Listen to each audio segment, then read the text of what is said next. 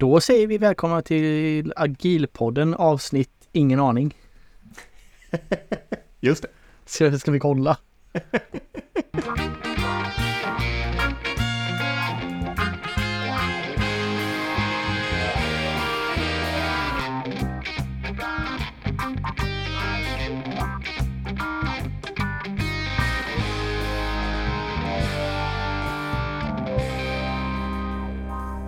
Då säger vi välkomna till Agilpodden avsnitt 136.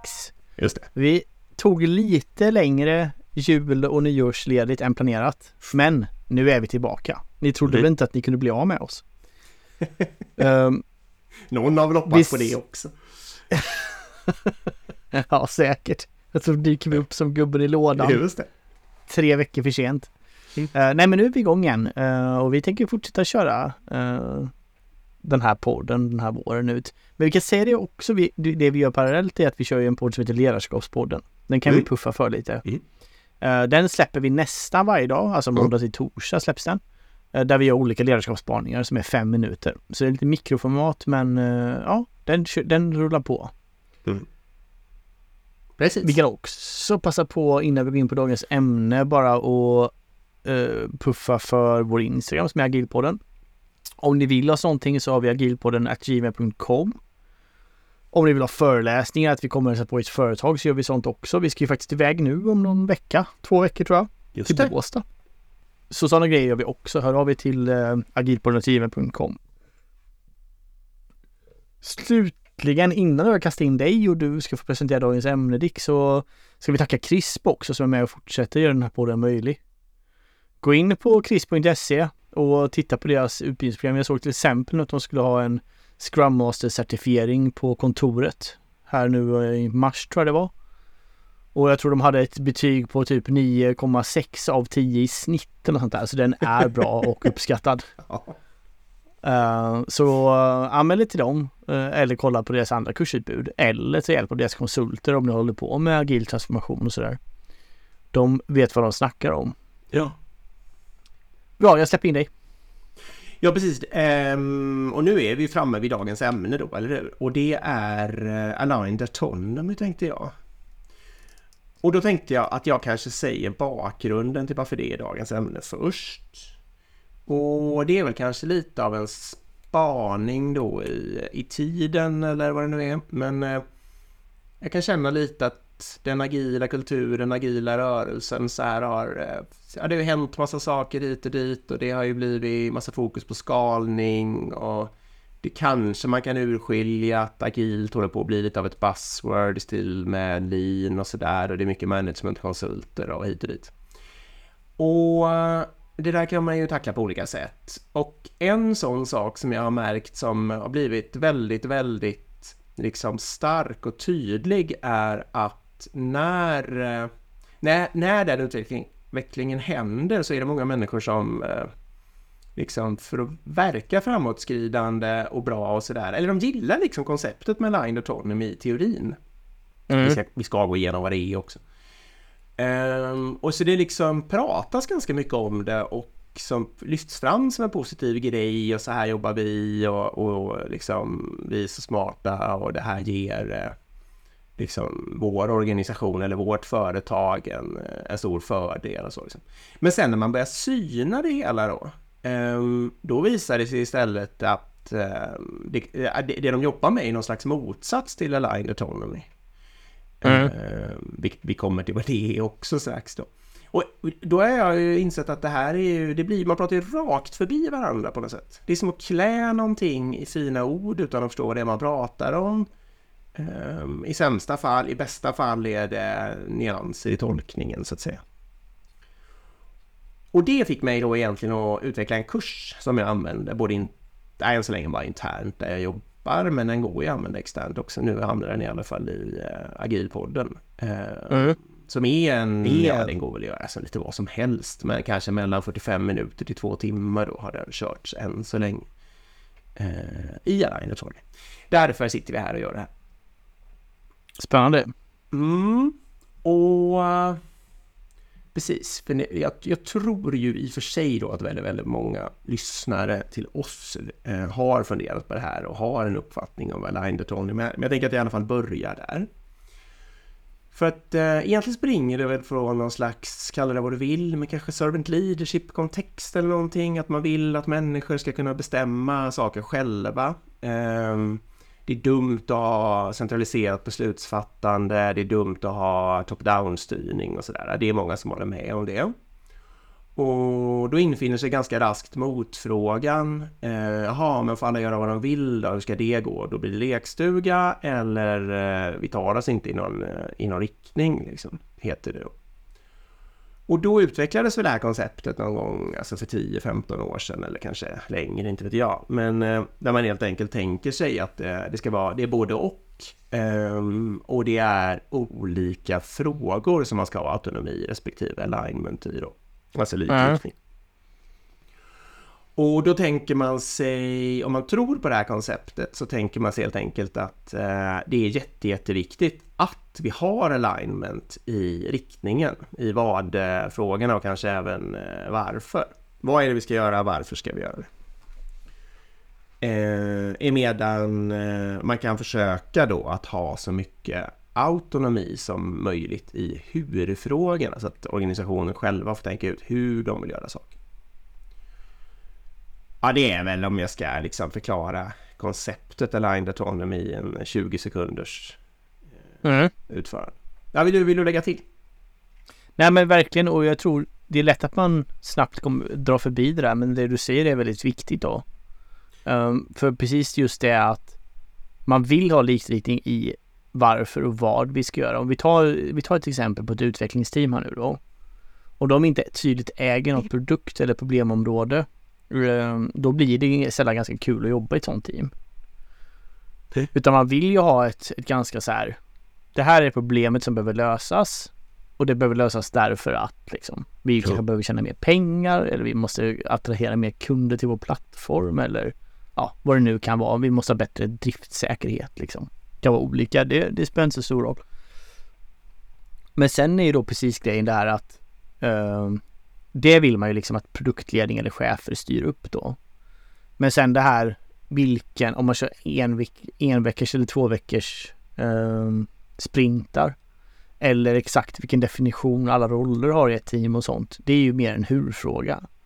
Och det tycker ju då vi och ja, många att uh, det här ska vi lägga ut på teamen och bestämma. Det ska man alltså inte lägga sig i. Och det som blir det stora problemet här många gånger i organisationer, det är ju just att chefer märker att saker kanske inte går exakt som de har tänkt. Det går inte exakt den riktningen de har tänkt. De har en känsla av att det går för långsamt. De har en känsla av att saker inte levererar. Eller så är det ett faktiskt problem att det är en driftstörning som faktiskt påverkar mm. någonting. Och så. Då kommer ofta höga chefer. Och vad gör de då? Jo, då lägger de sig i husfrågorna. Mm. Det är det största problemet. Att då skapar, man, för det är det som känns lite så här, det känns bra intuitivt mm. om man inte tänker efter. Mm. Och då börjar man styra upp så här, nej men alla team måste ju göra så här, alla team ska ju jobba så här, vi ska ha det här rapportmötet då. Uh, vi måste definiera rollerna, det är otydligt vem som äger problemet och inte. Alltså ja, till exempel. Mm, va? Så det, det, det är det som blir själva grundproblemet att man Det är så lätt att man som Jag ska inte säga dålig chef men om man inte tänker sig för så är det lätt att man som chef Eller ledare Det kan ju också vara produktledning Eh, gå in och styr just i hur-frågorna Fast problemet kanske Det är inte där problemet ligger Ja, det var väl lite utsvävning mm. Nej men det var mycket bra förtydligande och vi kan väl säga det också att vår vän Henrik Kniberg ritade ju en jättebra bild på det här någon gång kanske 2013 ska jag gissa. Eh, och då är det, det är ett gäng människor då som ska över en, eller de, de har en chef och chefen säger att de ska över en flod då liksom i, det är det som är grejen. Eh, och då har han ritat autonomy på ena axeln, alignment på andra axeln och så blir det en fyrfältare. Eh, och då kan man ju tänka sig då att om man har eh, låg autonomi och låg alignment då får ingen få göra vad de vill och ingen vet vad man ska göra. och då händer det ingenting och alla är ledsna. Man kan tänka sig att man har hög autonomi men ingen vet vad man ska göra, man har ingen alignment. Um, och då kanske alla går runt och, och gör något och kanske är lite halvglada men kanske i längden inte så motiverade. Och de vet heller kanske inte då att man ska över bron. Så folk jobbar på, alltså på olika saker, över bron, över floden.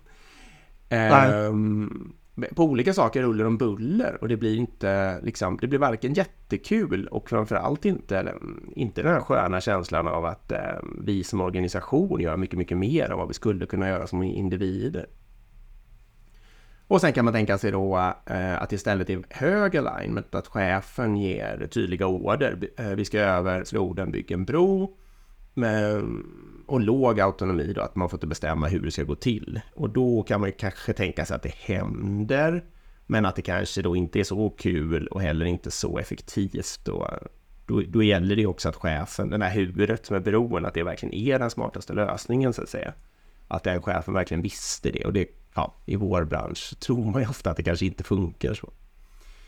Eh, och sen uppe i högra hörnet så har man helt enkelt hög autonomi i hur-frågorna då. Människorna får själva tänka ut hur man ska göra och eh, hög alignment att någon, till exempel chefen, har sagt att vi måste över den här floden. Just det. Och ja, men precis. För... Ja, gör det. Googla upp den bilden. Den är väldigt bra för att visualisera det här problemområdet. Sen kan man säga det då, jag tänkte lite för mig själv nu medan du pratar att Säg att vi har ett team som jobbar i Vattenfall liksom. Mm. Uh, de har de har organiserat sig så att det finns ett backend-team, ett frontend-team och ett testteam liksom. Och sen så då för varje värdeskapande objekt så måste alla tre in liksom.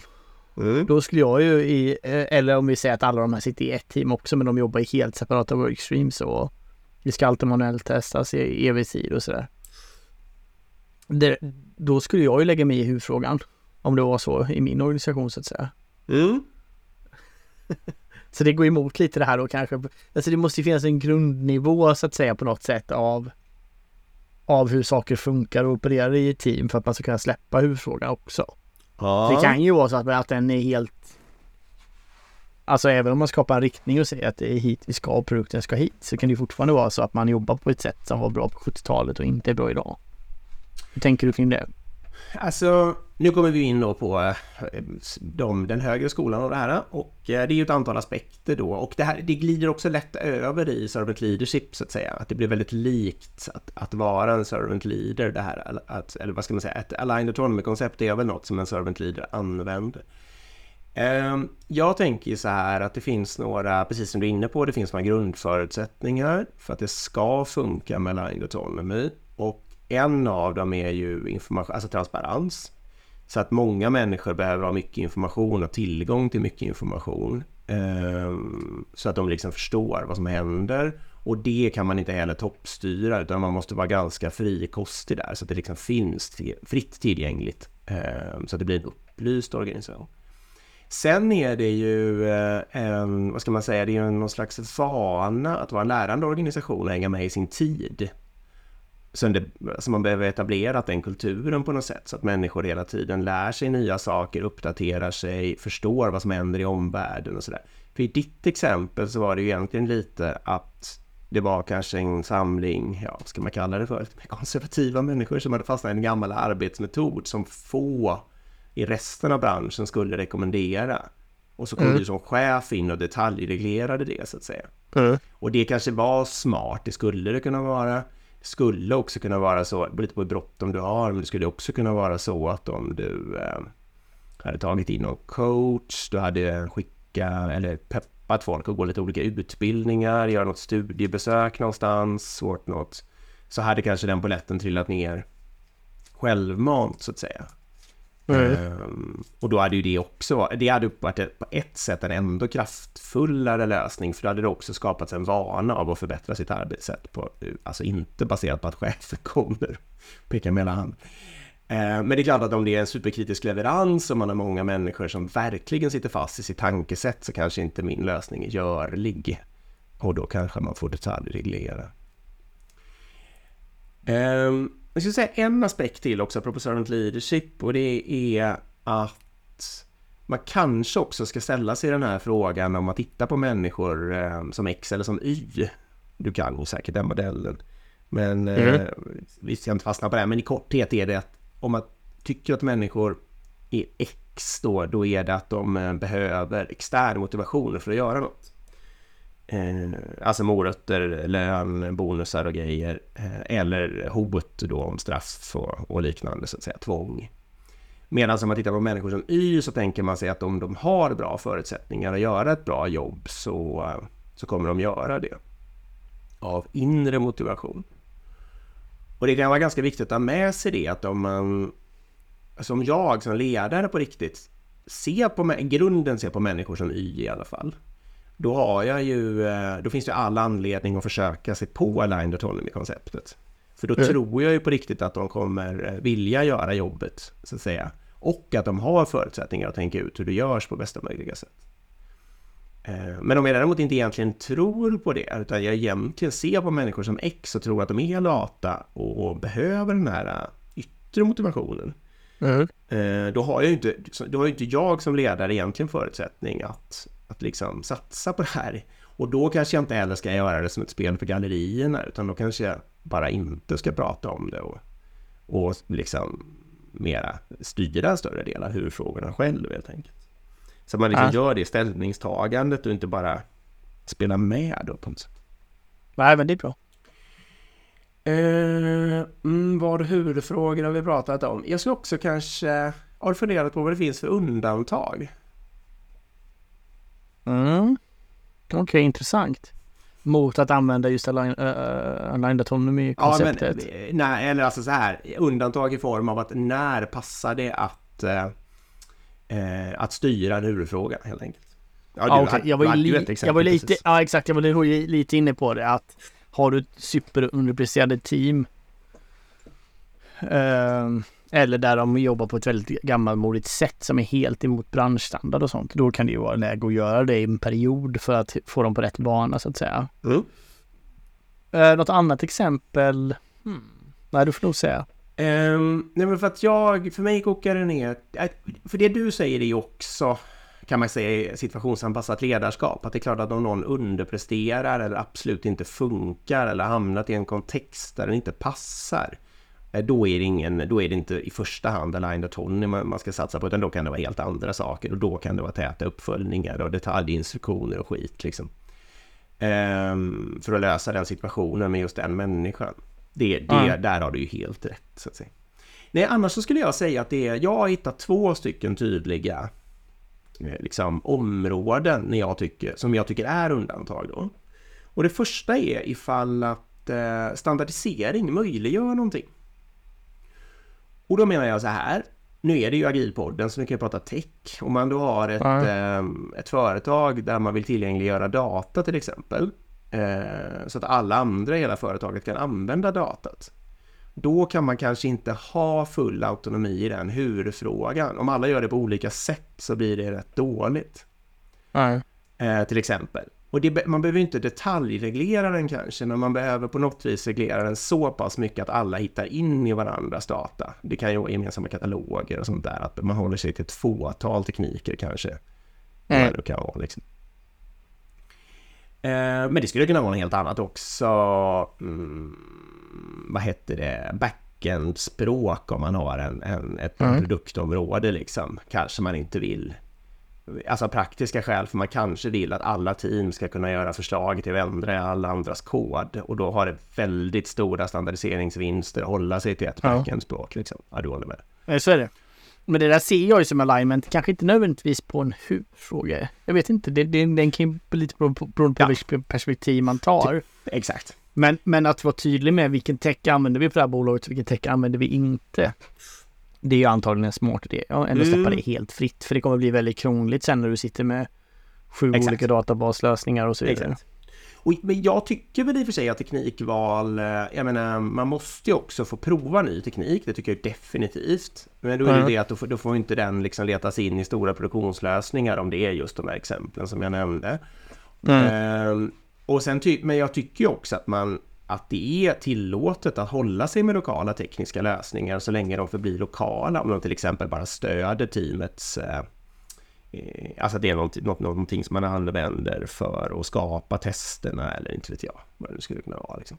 Det kan man ju verkligen ha något eget när ingen annan någonsin blir påverkad. Eller i låg grad blir påverkad. Eh, ja, så, då, så ja, det är därför jag tänker att teknik är lite av en huvudfråga. Men absolut, man skulle kunna se det som en vad-fråga. Mitt andra stora område när jag accepterar styrning i huvudfrågorna, det är om jag tänker mig att eh, jag får ett randvillkor. Och det är egentligen bara för att man kanske inte kan slåss för sin autonomi liksom på allas... Man får, man får förstå att andra människor tänker annorlunda och, och, och om jag tar ett visst givet uppdrag så får jag kanske acceptera att det finns några randvillkor. Och typexempel kan du ta ett exempel på ett sånt? Ja. Eh, ja, hur många konsulter får jag ha? Ja. Jag kan tycka, hade det varit mitt företag, då hade jag inte kanske... Jag hade undvikit att reglera det. Liksom. Jag hade snarare bara sett till att folk, eh, människor höll sig inom budgetar och sånt, alltså inom total... Att vi inte liksom gjorde av med för mycket pengar. Eh, men jag hade kanske inte i detalj reglerat att du får ha max 10% konsulter eller max 18 konsulter i din organisation eller något sånt där. Liksom. Mm. Men jag kan också förstå att man kan vilja tänka på det viset och att det finns, det är lite för och nackdelar och då kan jag tänka mig att bara ta det som ett randvillkor istället för att hålla på ja. och fundera över liksom. Och det kan finnas fler sådana saker. Alltså här är det bestämt att alla ska jobba jobba på inom ehm, kontor som ligger på det här geografiska området. Liksom. Ja. Eh, det kan man tycka är en huvudfråga. Men mm. det kan finnas stora fördelar och sådär. Liksom, då kan man kalla ihop alla och träffas liksom och sånt. Och någon kan tycka att det är en stor vinst. Då, då går det över lite på den första saken jag sa, liksom att en standardisering har, eh, har en ja. fördel. Jag håller med dig. Det är, det är en viktig poäng med de här ramvillkoren för och det är också vad du kan påverka och inte. Mm. Alltså till exempel om du jobbar på ett företag som har bestämt att vi ska använda mjukvara X för vår ärendehantering. Mm. Och alla, alla gör det på hela bolaget. Och det är liksom något de har bestämt.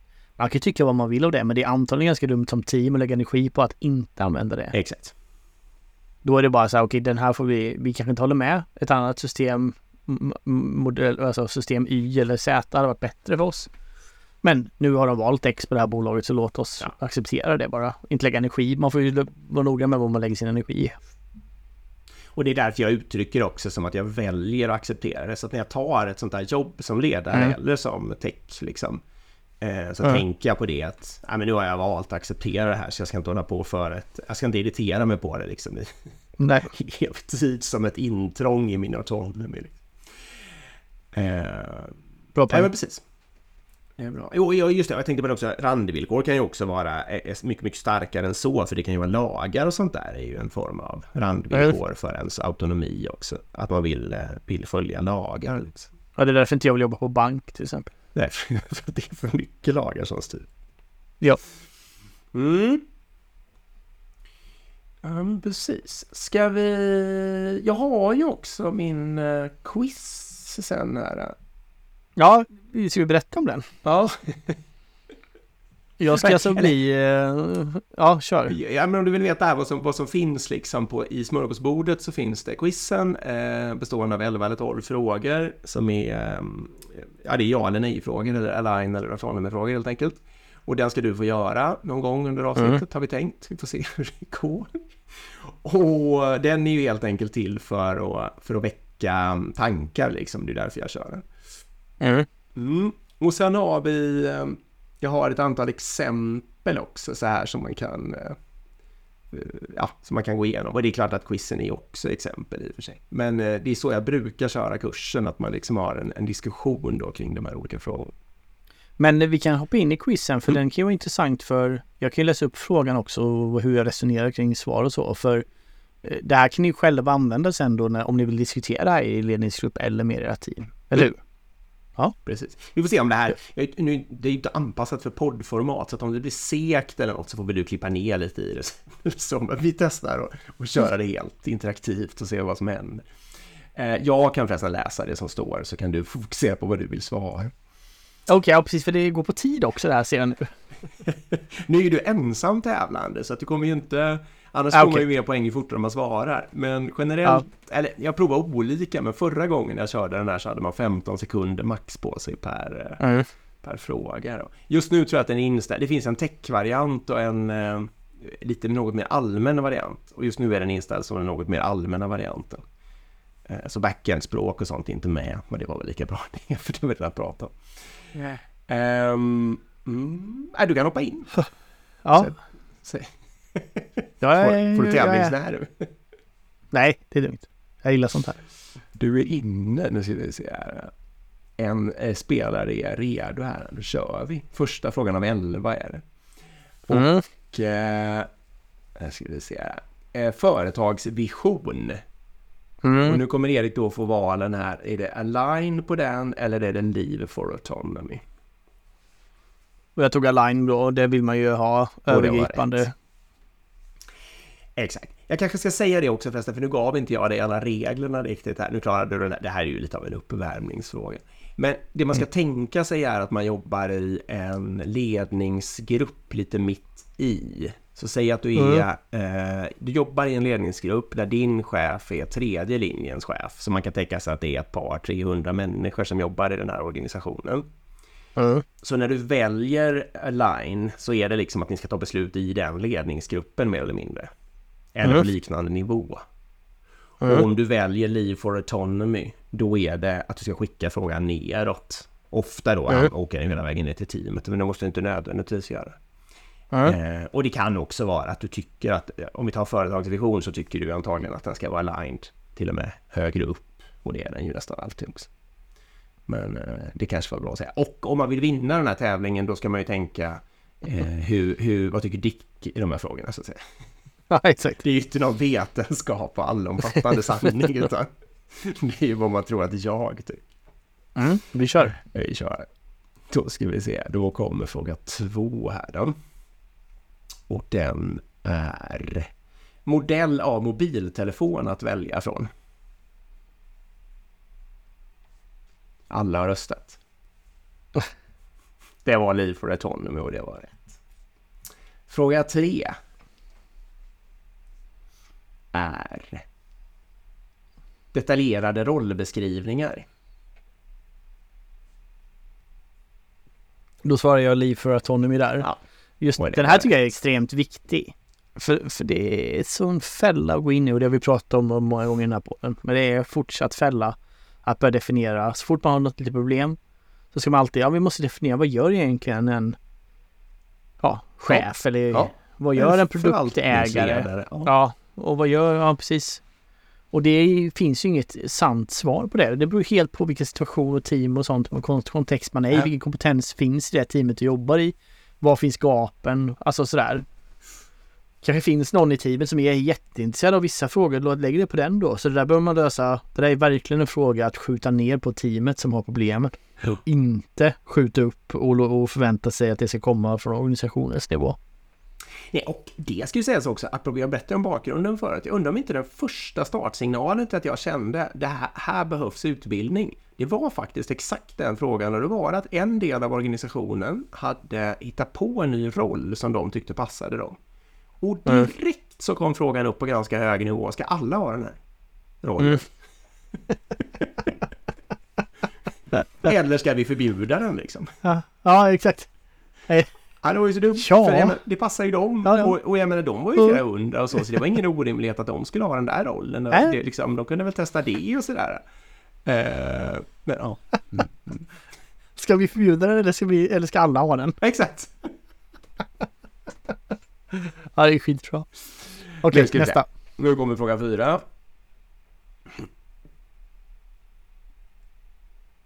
Och det är eh, målen för programinkrementet.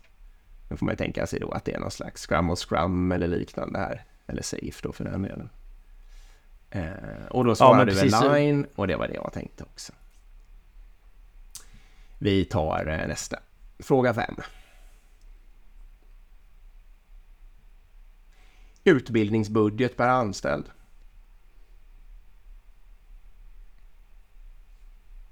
Det tycker Erik att vi ska lämna till autonomi och det tyckte jag också, så det var rätt. Ja, och med den här frågan så är det ju såklart att man kanske inte kan lämna den helt fri. För det kanske finns en rimlig, alltså man kan ju säga till exempel att per avdelning är den så här mycket. Och sen så Ja. får teamen distribuera dem.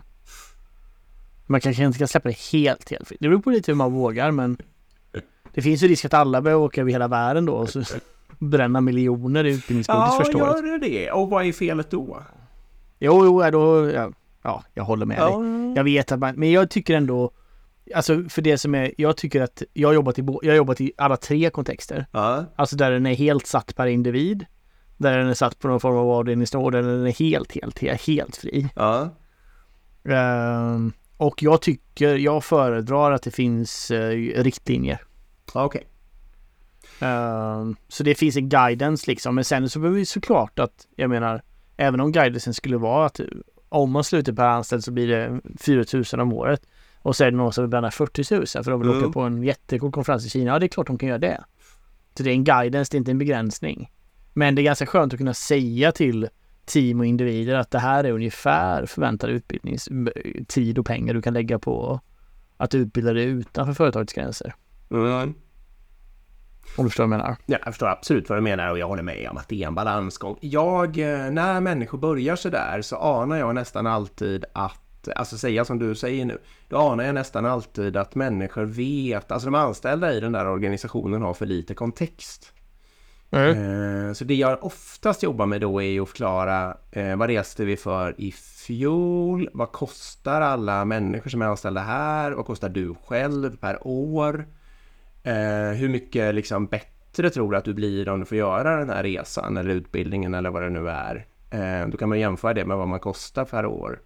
Eh, och så Mm. vidare, och så vidare. Och, och ge dem jätte- jättemycket kontext. Jag har faktiskt aldrig varit med om att någon efter att ha fått massa kontext sen i alla fall föreslår något uh, urbota. Nej. Liksom. Och det du ger är ju egentligen samma sak som jag säger. Det är samma Mm. guidance. eh, på något sätt att man får.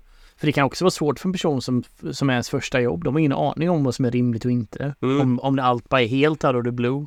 Eh, För det finns ju också... jag en menar, så- nej, jag ska bara säga det, det, det, det, där jag jobbade ett tag där det var helt fritt. Då var det ju också folk som reste till USA tre gånger i månaden liksom. Alltså du, du resebudget och utbildningsbudget kunde vara flera hundratusen per individ liksom. Vilket kanske inte är hållbart längre men kanske var nödvändigt en period och sådär. Nej, och Okej. då gäller det ju att, att prata om det på övergripande nivå tycker jag. Nej, för jag tänker Mm. så här också att om man har, ponera att man har något techbolag och har en tjänst liksom. Vi kan säga Netflix eller något sånt där. Eh, jag tror, det vet jag inte i och för sig, men jag tror att det är ganska många medarbetare på Netflix, alltså utvecklare som kan stänga av tjänsten. Ehm, så säg Mm. att de har, de har autonomi att göra det. Ja. Eh, och jag tror ingen skulle komma på idén så att säga. Nej, Man behöver Nej, liksom inte, alla har tillräckligt mycket kontext för att förstå att det är en dålig idé så att Mm. säga. Eh, och det här så tror jag är en vill jag att jätteintressant det ska vara med det. Ja, förlåt. Ja, Kör. och det här tror jag är en jätte, jättebra diskussionsfråga i era ledningsgrupper. För det här tror jag verkligen kan väcka två läger. ja. Och verkligen sätta, det här kan liksom ta fram den här diskussionen som gör att ni sätter liksom pinpointar på vad folk tycker och vad ni ligger på skalan i vad ni tycker. ja. Nej, verkligen. Bra fråga. Eh, då ska vi se. Då tar vi nästa. Och den är utbildningsbudget per grupp.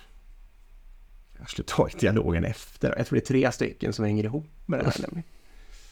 Då tycker du autonomi fortfarande. Och det tycker jag också. Sett ur en högre organisationsperspektiv så bör det vara autonomi. Vi tar sjuan. Och den är total budget per sektion. Det ska förstås som en andra linjen, alltså som kanske 70-80 människor eller något sånt där. Det, beror ju helt på. Sett ur den här avdelningens eh, perspektiv. Mm. Ja, Du, du tyckte align och det tycker jag också. Eh, om det var mitt företag så att säga, då så skulle jag ändå tycka att totalbudgeterna, liksom för de olika divisionerna eller vad det nu skulle vara då, de eh, alignar vi liksom på, på högsta nivån.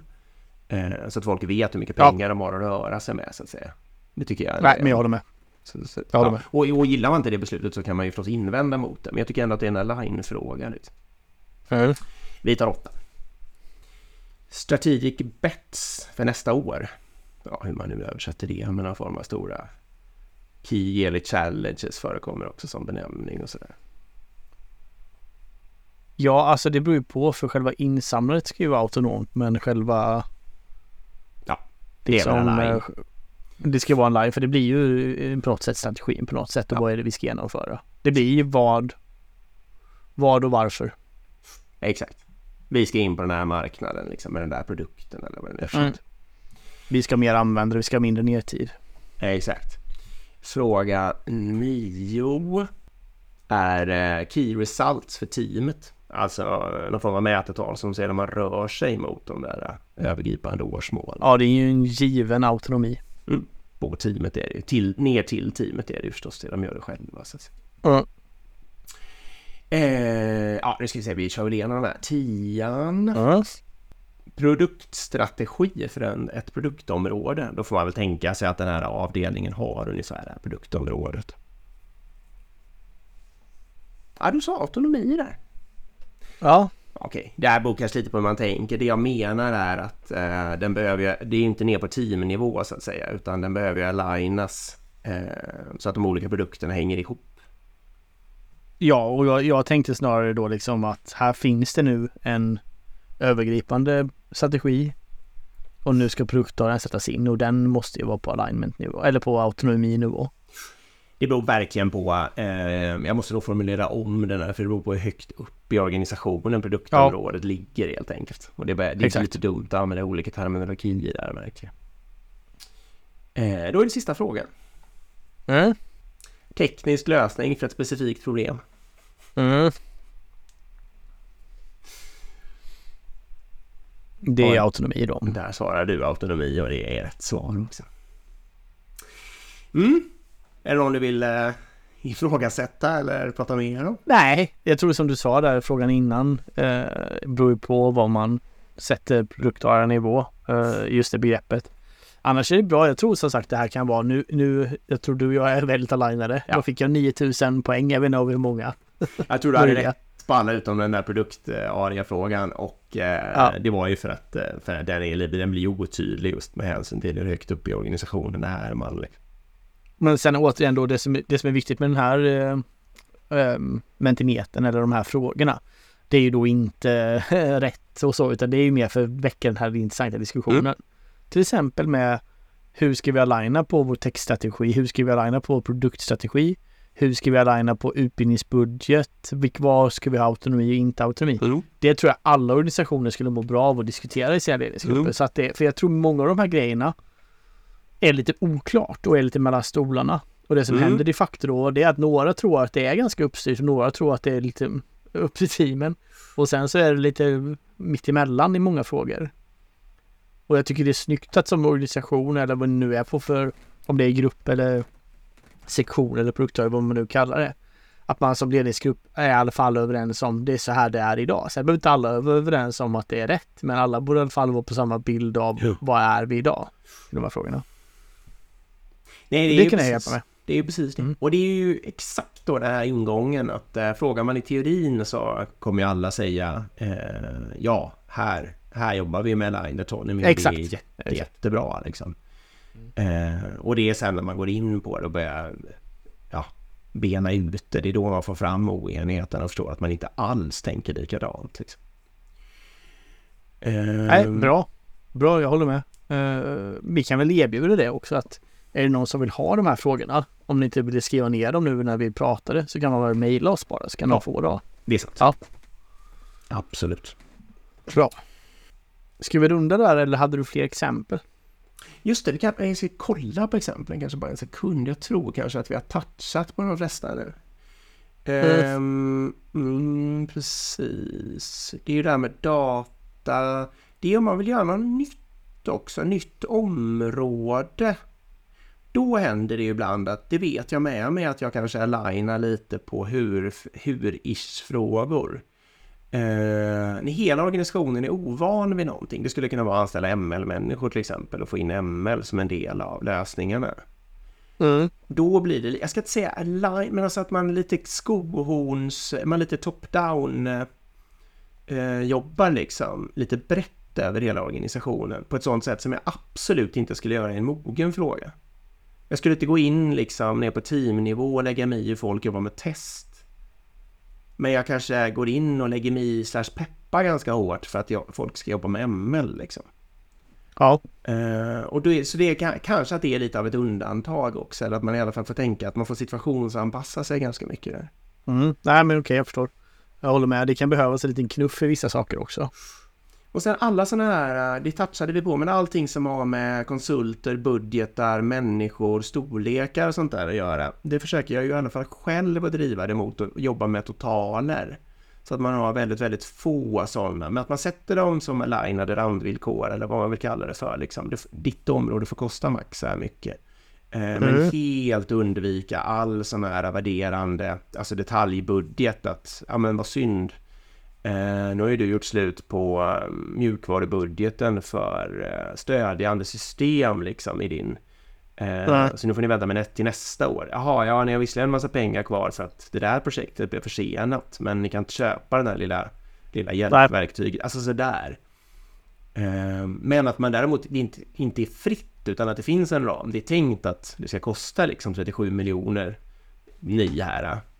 Ni som är 32 människor här och era kringkostnader och vad det nu är.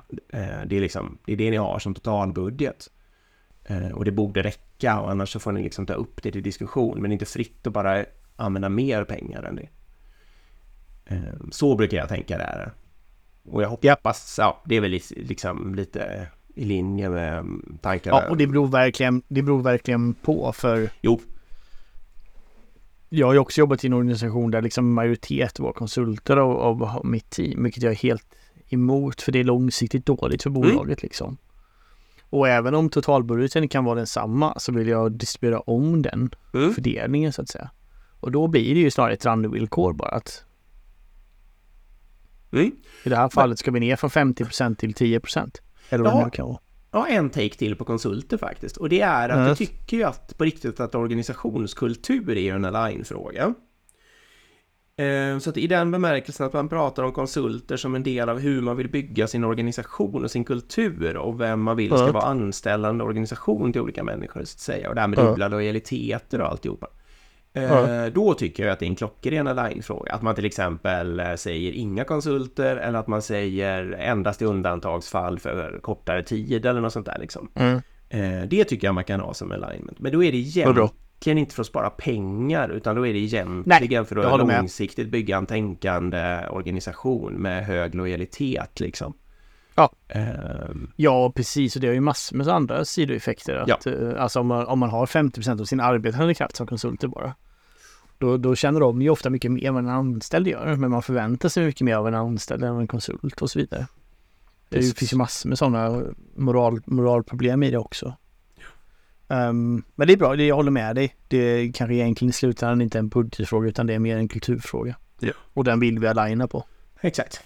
Och den där um, kontor eller inte kontorsfrågan kan ju vara en sån också. Liksom. Om man vill, Mm. Framförallt om man vill jobba med kontor därför att människor ska träffas. Då får man ju ta det som ett sånt randvillkor för att bygga kultur.